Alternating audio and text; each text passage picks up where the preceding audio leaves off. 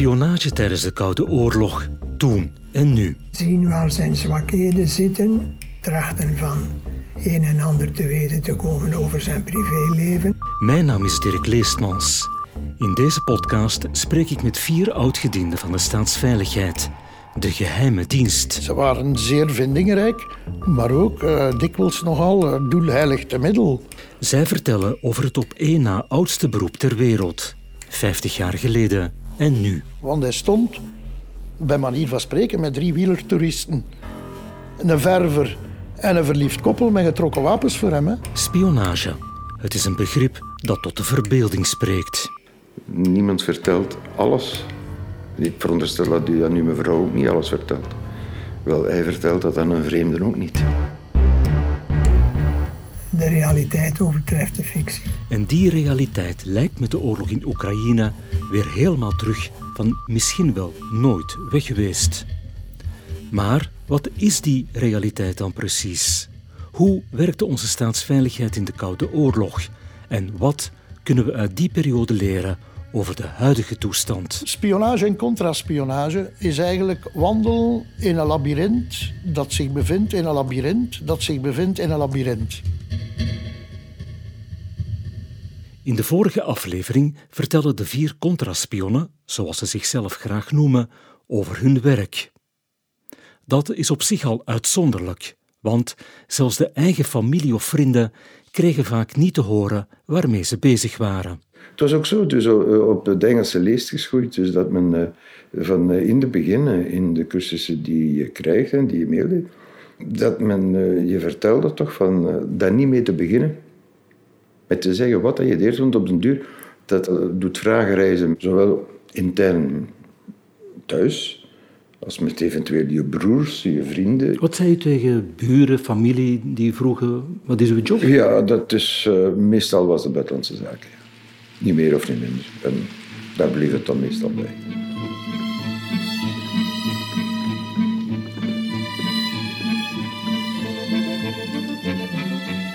Over dat werk, spel, dubbelspel, valspel, vertrouwen en verraad gaan we in deze aflevering dieper in.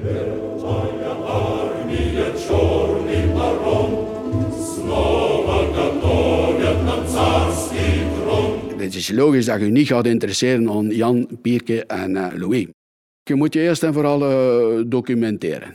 En proberen na te gaan wie is uh, de tegenpartij, waar lopen die, waar gaan die, wie contacteren die en zo verder. En dan zie je ook wel als sommige mensen dat ze voor hun functie wat eigenaardige bewegingen hebben en eigenaardige bedoelingen. En dat kan onschuldig zijn. Hè. Het kan zijn dat hij ergens moet uh, een bloemenruiker gaan kopen. Of dat hij dringend naar Luxemburg moet omdat een drank op is. En uh, weet ik allemaal van die dingen meer. Of de sigaren op zijn of zo. Maar er zijn zo van die, die ledlampjes die beginnen branden op het bord. Je, je moet ergens uh, detecteren, is het of is het niet. Daarom werden die bewegingen in het oog gehouden. Letterlijk. Iets wat overigens ook de tegenpartij deed. We waren zeker dat we er moesten rekening mee houden van wat we noemen een tegenobservatie. 100%. Altijd van bewustzijn. En dan ja, bon, worden dezelfde technieken gebruikt dan dat de spion gebruikt om te proberen achterhalen ben ik gevolgd, ben ik niet gevolgd. Het grote nadeel dat wij hebben en dat alle diensten hebben, ja, het adres is openbaar gekend. Dus uh, dat zij vermoedelijk toezicht deden en misschien nog doen op de hoofdingang van uh, de dienstgebouwen, dat zal wel zo zijn. Wat dat er uiteraard veel gevoeliger ligt, is dat ze dus ook gaan observeren met uh, welke voertuigen wordt er gereden, wie zit in die voertuigen. Ja, uiteraard. Uiteraard weten zij dat. En zij hebben ook een contraspionage, waarvan er vertegenwoordigers zijn in Brussel, in de ambassade. Dus KGB'ers van de CE, van de contraspionage.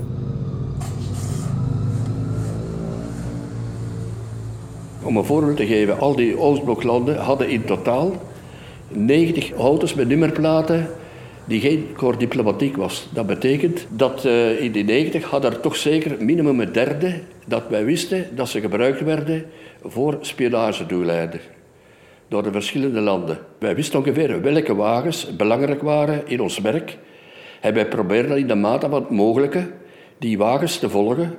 En wij kenden die nummerplaat allemaal van buiten, ons mensen.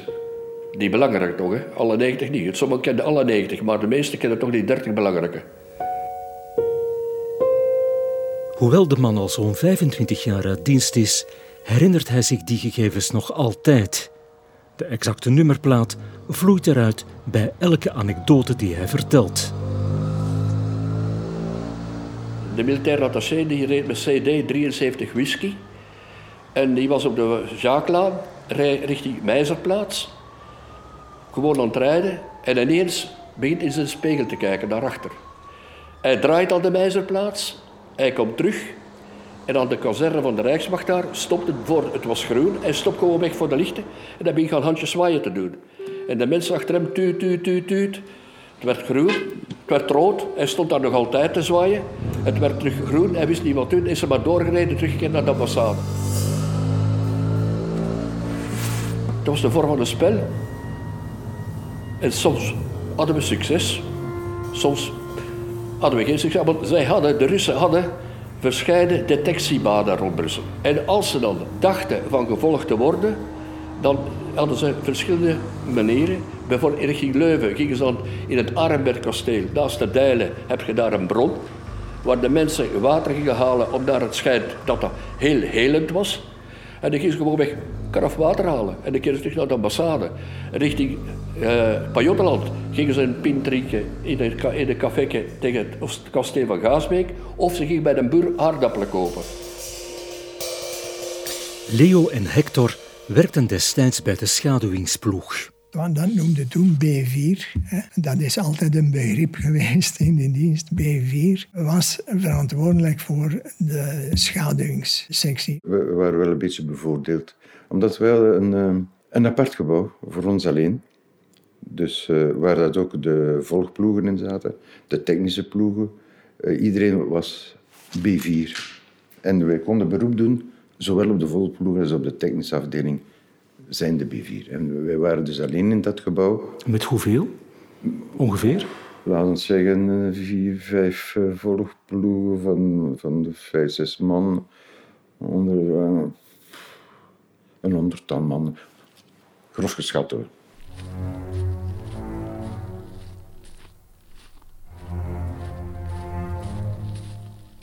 Ik vraag Leo hoe een gemiddelde werkdag er voor hem uitzag.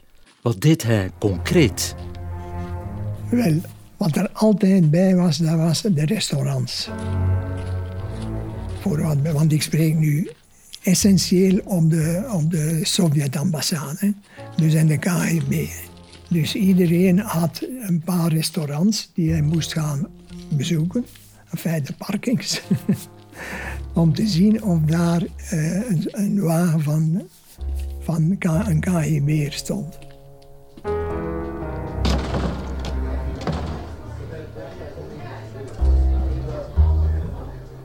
Uh, wel, dat is juist dat. Dagelijks werden de verlangrijkste restaurants in Brussel en de ganse omgeving gecheckt. Reden alle vereen twee uren, reden alle dienstwagens, ieder zijn eigen streek, zijn eigen, wat dat ze moesten gaan een keer de parkings gaan controleren. Maar ik moet zeggen, de echte inlichtingsofficieren, die je wagen gingen niet vinden op de parking van het restaurant. Hè. Die vonden van tijd 300 meter verder daarvan. Hè.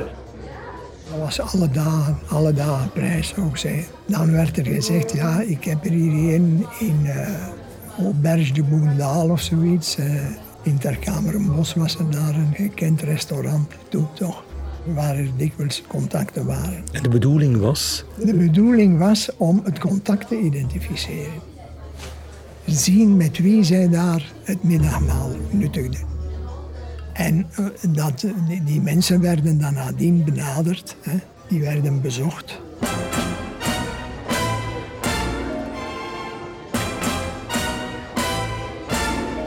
Het lijkt een erg leuke job waar het nuttige aan het aangename werd gekoppeld. Uh, als je binnen ging, ja, dan moest je eten natuurlijk. ja, uiteraard.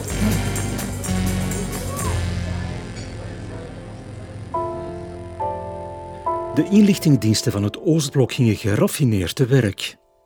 Zij benaderden mensen die hen wellicht nuttige informatie zouden kunnen geven. Dus potentieel interessante personen spotten, dan eh, bekijken hoe kan ik de betrokkenen benaderen zonder, zonder verdacht over te komen. Dat is een beginfase. En vervolgens ja, zien waar zijn zwakheden zitten. Of hij inderdaad zwakke punten heeft. Uh, eventueel trachten van een en ander te weten te komen over zijn privéleven, over zijn werkomstandigheden. En uh, daar dan op voortwerken. En uiteindelijk op een indien mogelijke vriendschappelijke basis een uh, relatie te starten. Een soort gebaseerd op, op gemeenschappelijke interesse enzovoort. En dan zien in hoeverre betrokkenen of ondervinden, trachten te testen, in hoeverre betrokkenen gevoelig zou zijn aan financiële steuntjes hè, of andere voordelen. Hè. En uh, indien dat lukt, ja, dan wordt dat opgedreven, dat wordt ontwikkeld, tot wanneer de betrokkenen aanvoelt, oeh, ik ben, hier, ik ben hier te ver aan het gaan, ik zit hier gevangen.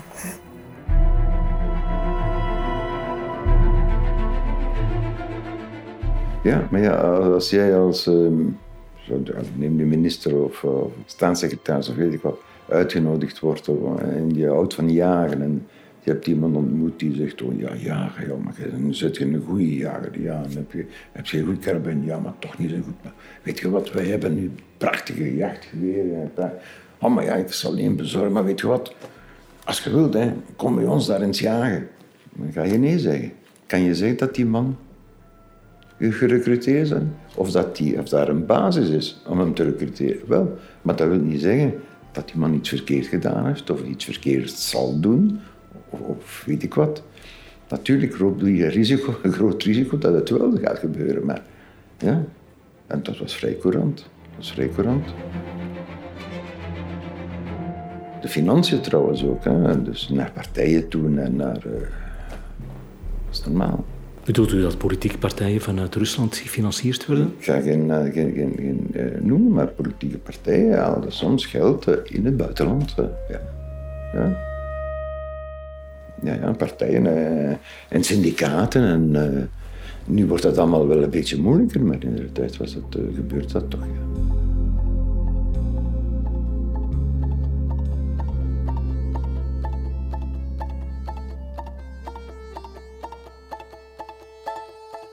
De spionnen van het Oostblok gingen soms subtiel te werk, soms ook minder. Want ook in het communistische spionagesysteem moest resultaat geboekt worden. Dat is inderdaad juist. Hè. Niet, niet alleen die Russen, maar uh, alle Russen die de laatste 200 jaar hebben dat natuurlijk aangedikt. Omdat dat ook in hun systeem zit. Hè. Je bent best dat je de zaken heel mooi en positief uh, aanbrengt. De gevolgen voor de, laat maar zeggen, de spion of de inlichtingenman van Genderachter die gevolgen kunnen nogal zeer nefast zijn. Hè. Voor hem, maar niet alleen voor hem, ook voor zijn familie. Hè. Laat maar zeggen van de, de, de mooie, luxueuze woning aan de Zwarte Zee, plotseling uh, in het frisse Siberië te zitten, uh, in kou, donker en honger. Maar ja, dat is een feit, dat is de werkelijkheid. En, en daarom ook dat die mensen hun, hun, hun daden en hun handelingen dikwijls agressiever zijn in de zin van... Ja, voor hen was het soms ook... Uh, ze waren zeer vindingrijk, maar ook uh, dikwijls nogal uh, doelheilig te middel. Dus dat maakt dan ook dat die soms iedereen en nog wat aanspraken om te kunnen zeggen... Kijk, ik heb die meneer gezien of die mevrouw of, of daar geweest. En waar dat ze dan uh, een krantenartikel van opstuurden of de samenvatting van een krantenartikel. En dat maakte een rapport en dat maakte een... Konden ze weer hun stempel zetten op iets. Dat viel soms wel tegen hoor. Hun professionalisme liet soms de wensen over. Hè? Omdat ze gemakkelijk in routines vervallen. Sommigen zijn ook zeer gretig. Hè?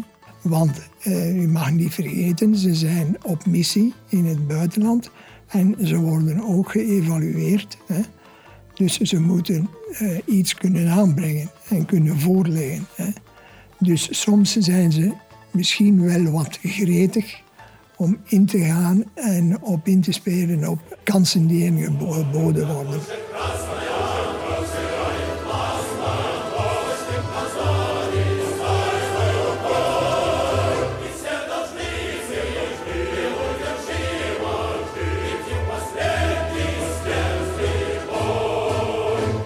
Ik heb, voor zover ik dat zelf besef, nooit contact gehad met een spion.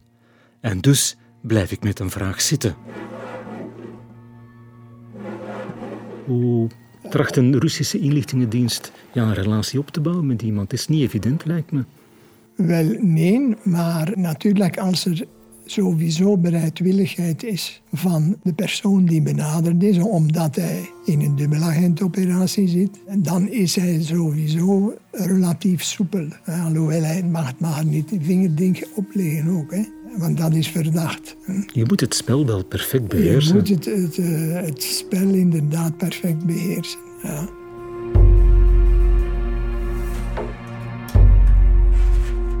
Leo zegt het haast terloops dubbelagentoperatie. In het beste geval wist de Belgische staatsveiligheid dat persoon X of Y contact had met een Russisch spion. Het kwam er dan op aan X of Y te contacteren en hen te vragen dat contact vooral verder te onderhouden. Maar dan wel onder de regie van de staatsveiligheid. Zij lieten de Russen in de waan dat de betrokkenen voor hen werkte, maar in werkelijkheid was hij een dubbelagent. Er is ook een andere, een andere approach dat je weet door bijvoorbeeld lekken, wat dat uh, ook gebeurt, door bijvoorbeeld volgploegen, de schadigingsploegen, dat er een contact geweest is tussen een uh, diplomaat, want heeft, meestal was het, had hij toch een diplomatiek statuut, en bijvoorbeeld uh, een universiteitsprofessor. Ik ga nu maar iets zeggen, of, of een politicus, of even wat. En dan kan je proberen ook eerst, uh, van eerst die mensen te, eh, te recruteren, te vragen. Proberen te vragen wat dat die zocht, wat dat die vroeg, enzovoort en verder. En dat kan dan jaren duren, dat je met die man werkt. En dat je die materiaal geeft ook om... neem nu aan dat die bijvoorbeeld over een militair... en hij vraagt bijvoorbeeld inlichtingen over nieuwe vliegtuigen of nieuwe raketten... En hij vraagt, die man vraagt naar plans. Eh, dan probeer je ook dan die plannen, eh, te krijgen, maar eventueel plannen met een beetje iets wat gewijzigd. Die dan doorgespeeld worden enzovoort en zo verder. Dat is zelfs uh, meerdere malen gebeurd. Om uiteenlopende reden. En er waren mensen die dat echt deden met hun burgerzin als dat draag ik ook in mijn vaandel. Er waren mensen die dat deden uit schrik. Als dat iemand is die dat komt doen uit uh, burgerzin, vaderlandsliefde, noem maar op. Ja, met zo iemand kan je dan proberen om een operatie op te zetten. Veel van die mensen die spontaan komen, dat zijn er die niet van gisteren zijn, zoals men dat zegt. En die weten al uh, waar de klepel aan de klok hangt en zo verder. En uh, ja, dan moet je maar tegen zeggen, je moet je verder tegenhouden. Moet je de knoppen omgekeerd al beginnen draaien. Hè? Want die zouden wel durven verder gaan dan dat jij gaat. Hè?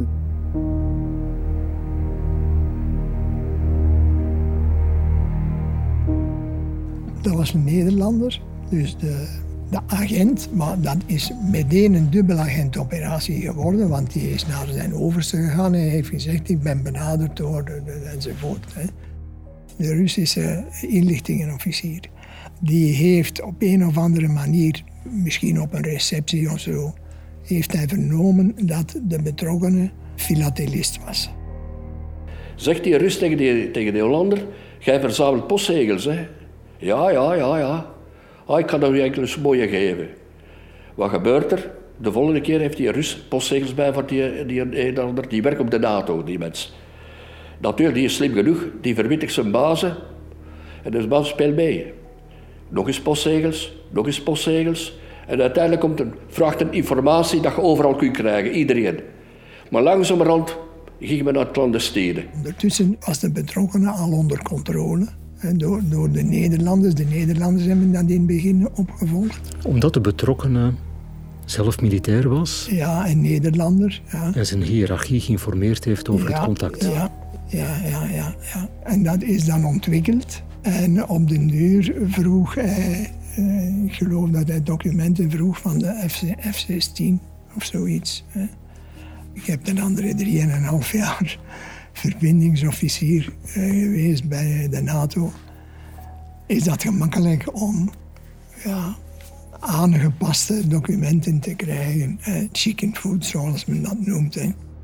En uiteindelijk eh, werd er dan gezegd: tja, u mag hem laten verstaan dat u toegang hebt tot een dergelijk document. Hè. En dat was dan de fameuze, want dat was een unbriek, zeggen ze in het Frans. Uh, dat was een zeer dik document. Maar eigenlijk een vals document.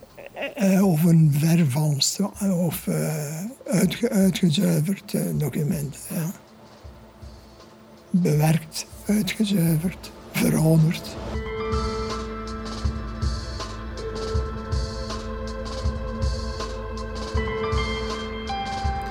Theo en zijn collega's herinneren zich het dossier nog zeer goed. Want het vervolg verliep niet helemaal zoals gepland. Op een bepaalde dag is er opnieuw een ontmoeting tussen de Russische spion en de dubbelagent. De dubbelagent geeft, zoals afgesproken, informatie aan de Russische inlichtingenofficier. Alles lijkt onder controle. Ik weet nog, eh, ik zelf was met twee andere collega's wielertoerist tot vervelens toe uh, twintig keer hetzelfde toerke van twee huizenblokken en een half. Uh, tot vervelens toe en tot grote vraagtekens in de ogen van de café-uitbater. Uh, vier keer gestopt op hetzelfde terrasje om een cola te drinken. Twee andere collega's die een gevel schilderen zijn. En noem maar op, hè, het verliefd koppeltje op de bank. Wat is er gebeurd? Voor het eh, middagmaal is er een operationele wagen met een chauffeur en een begeleider ter plaatse gekomen. Ergens in een zijstraat van het restaurant.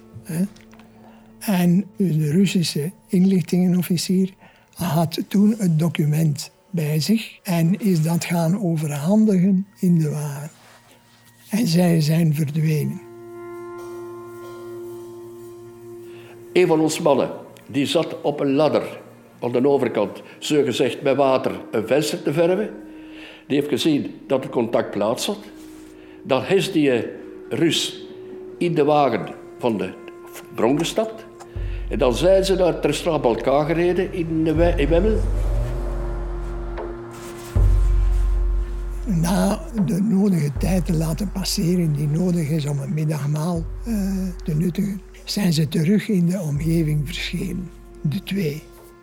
En klaarblijkelijk hadden ze er opnieuw het document bij. Dat was met de bedoeling van het opnieuw te overhandigen. Hè, om het terug te kunnen geven aan de agent. Goed, op het ogenblik dat zij dat document in ontvangst hebben genomen, heb ik gezegd, uh, arresteert ze. Arresteert ze, houdt ze tegen, arresteert ze.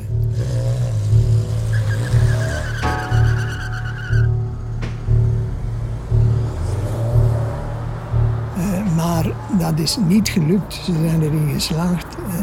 want dat was klaarblijkelijk een zeer getrainde chauffeur. dus die zijn gevlucht. Nu, onze interventiewagen is daar achteraan gereden, want een gevaarlijke, gelukkig is er dan niets gebeurd. Maar dat had kunnen zeer fataal aflopen, want het was een zaterdag voormiddag of middag. Hè. Dus er zijn al eh, kinderen die op straat lopen, op de trottoirs. Hè. Wij hebben nu dat zij een voertuig als wapen gingen gebruiken. Hè. En daar dus uh, zonder enige scrupules uh, Brussel mee ondersteboven reden, bij manier van spreken. Hè. Als ze door, uh, door de viaduct van, van de Koekelberg gereden is, en heeft ik weet niet, manoeuvres gedaan die dat, die dat niet mochten. Hij heeft zelfs over het voetpad gereden. Hè. En ons mannen daarachter, hè, dat was agressief.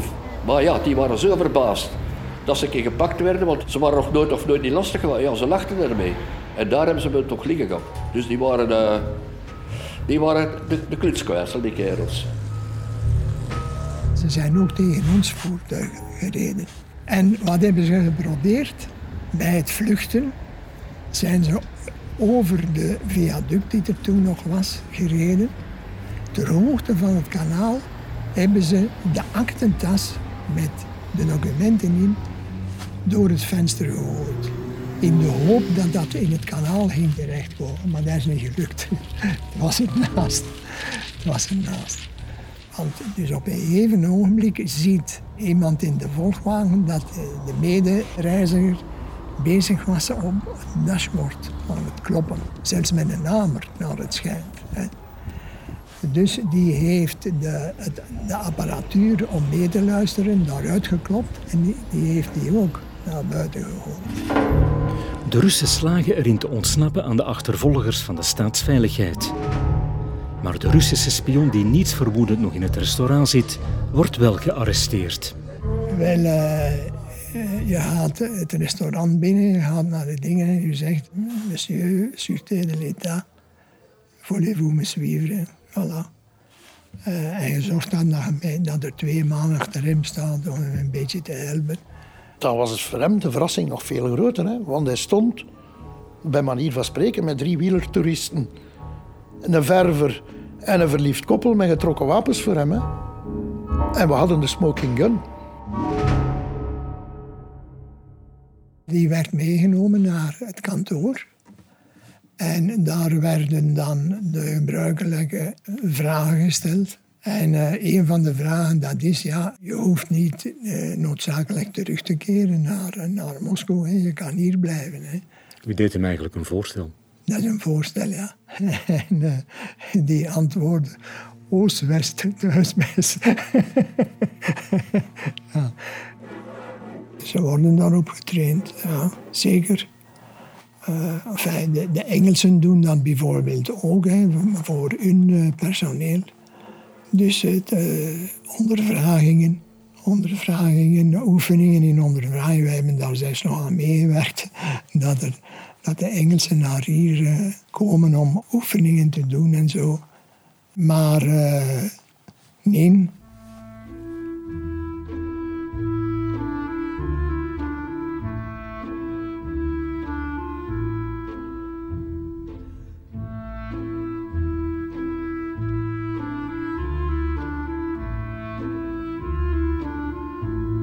Het is opmerkelijk. Spionagezaken eindigen zelden of nooit voor de rechtbank. Als buitenlanders betrapt werden, zoals net verteld, werden ze persona non grata verklaard en het land uitgezet. Hoewel ze in het thuisland niet echt als helden onthaald werden. Meestal was dat geen vijf, nee. Werden ze niet met bloemen en, en met een, een fanfare ontvangen. En dan eh, daar ook weer een. Eh, het hangt af weer wie. En wie, dat zijn kennissen waren en door wie dat die gesteund werd. Maar uh, in het algemeen werd die man dus uh, meestal opzij gezet en ergens in, uh, in een hoek van een bureau geduwd. Je bent geïdentificeerd, onvermijdelijk. Geïdentificeerd voor de heel wereldwijde inlichtingengemeenschappen. Die Sovjet, die Rus, is een inlichtingenofficier. Want hij is in België tegen de lamp gelopen. Duidelijk, 100% zeker. In de wereld van spionage en contraspionage is niets wat het lijkt. Mensen spelen een rol of een dubbelrol. Ze staan aan jouw kant of aan de overkant. Er lijken geen zekerheden te zijn. Hoe zeker kan je zijn van iemand? Nooit, nooit 100% zeker. Hè? Nooit. In, in het geval van dubbelspel. De waakzaamheid moet enorm hoog zijn. En men moet checken en checken en dubbelchecken.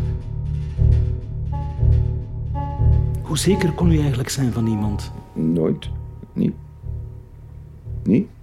kon niet zeker zijn. Daarom moest je altijd op je kivive zijn, moest je altijd 100% eh, attent zijn. Uh, nooit, nooit. Trouwens, de, de beste bron, als die je 60, 70, 75 procent vertelt van hetgeen die weet, of dat die weet dat waar dat jouw interesse, interesse aan gaat, dan is dat veel. Niemand vertelt alles. Ik veronderstel dat u aan uw mevrouw ook niet alles vertelt. Wel, hij vertelt dat aan een vreemde ook niet. Is wantrouwen uw tweede natuur geworden? Nee, ik ben voorzichtig. Ik ben voorzichtig in, in alle situaties een beetje. Maar wantrouwen, nee. Nee, dat kan ik niet zeggen. Wantrouwen? Nee, niet, niet, niet, niet, niet noodzakelijk wantrouwen. Ik zou zeggen, men moet een gezonde dosis paranoia hebben, maar meer niet. We moeten niet gaan denken dat achter elke hoek uh, een spion zit, bij manier van spreken. Moesten zich wapenen tegen die zeg maar, beroepsmisvorming? Ja, ja, ja, je moest opletten om niet te overdrijven. Toch? Het was toch beter. Een beetje meer dan te weinig. Te goed gelovig zijn of. Uh, het is beter van voorzichtig te zijn. Toch?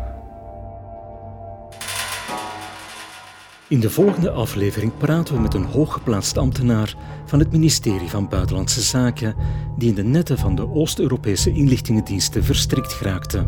Er komen drie personen binnen. Ze laten hun kaart zien, zeggen staatsveiligheid. Toen viel natuurlijk de hemel op mijn kop. Ik wist wat er ging gebeuren. Dat, het, dat ze ontdekt hadden dat ik met spionage bezig was.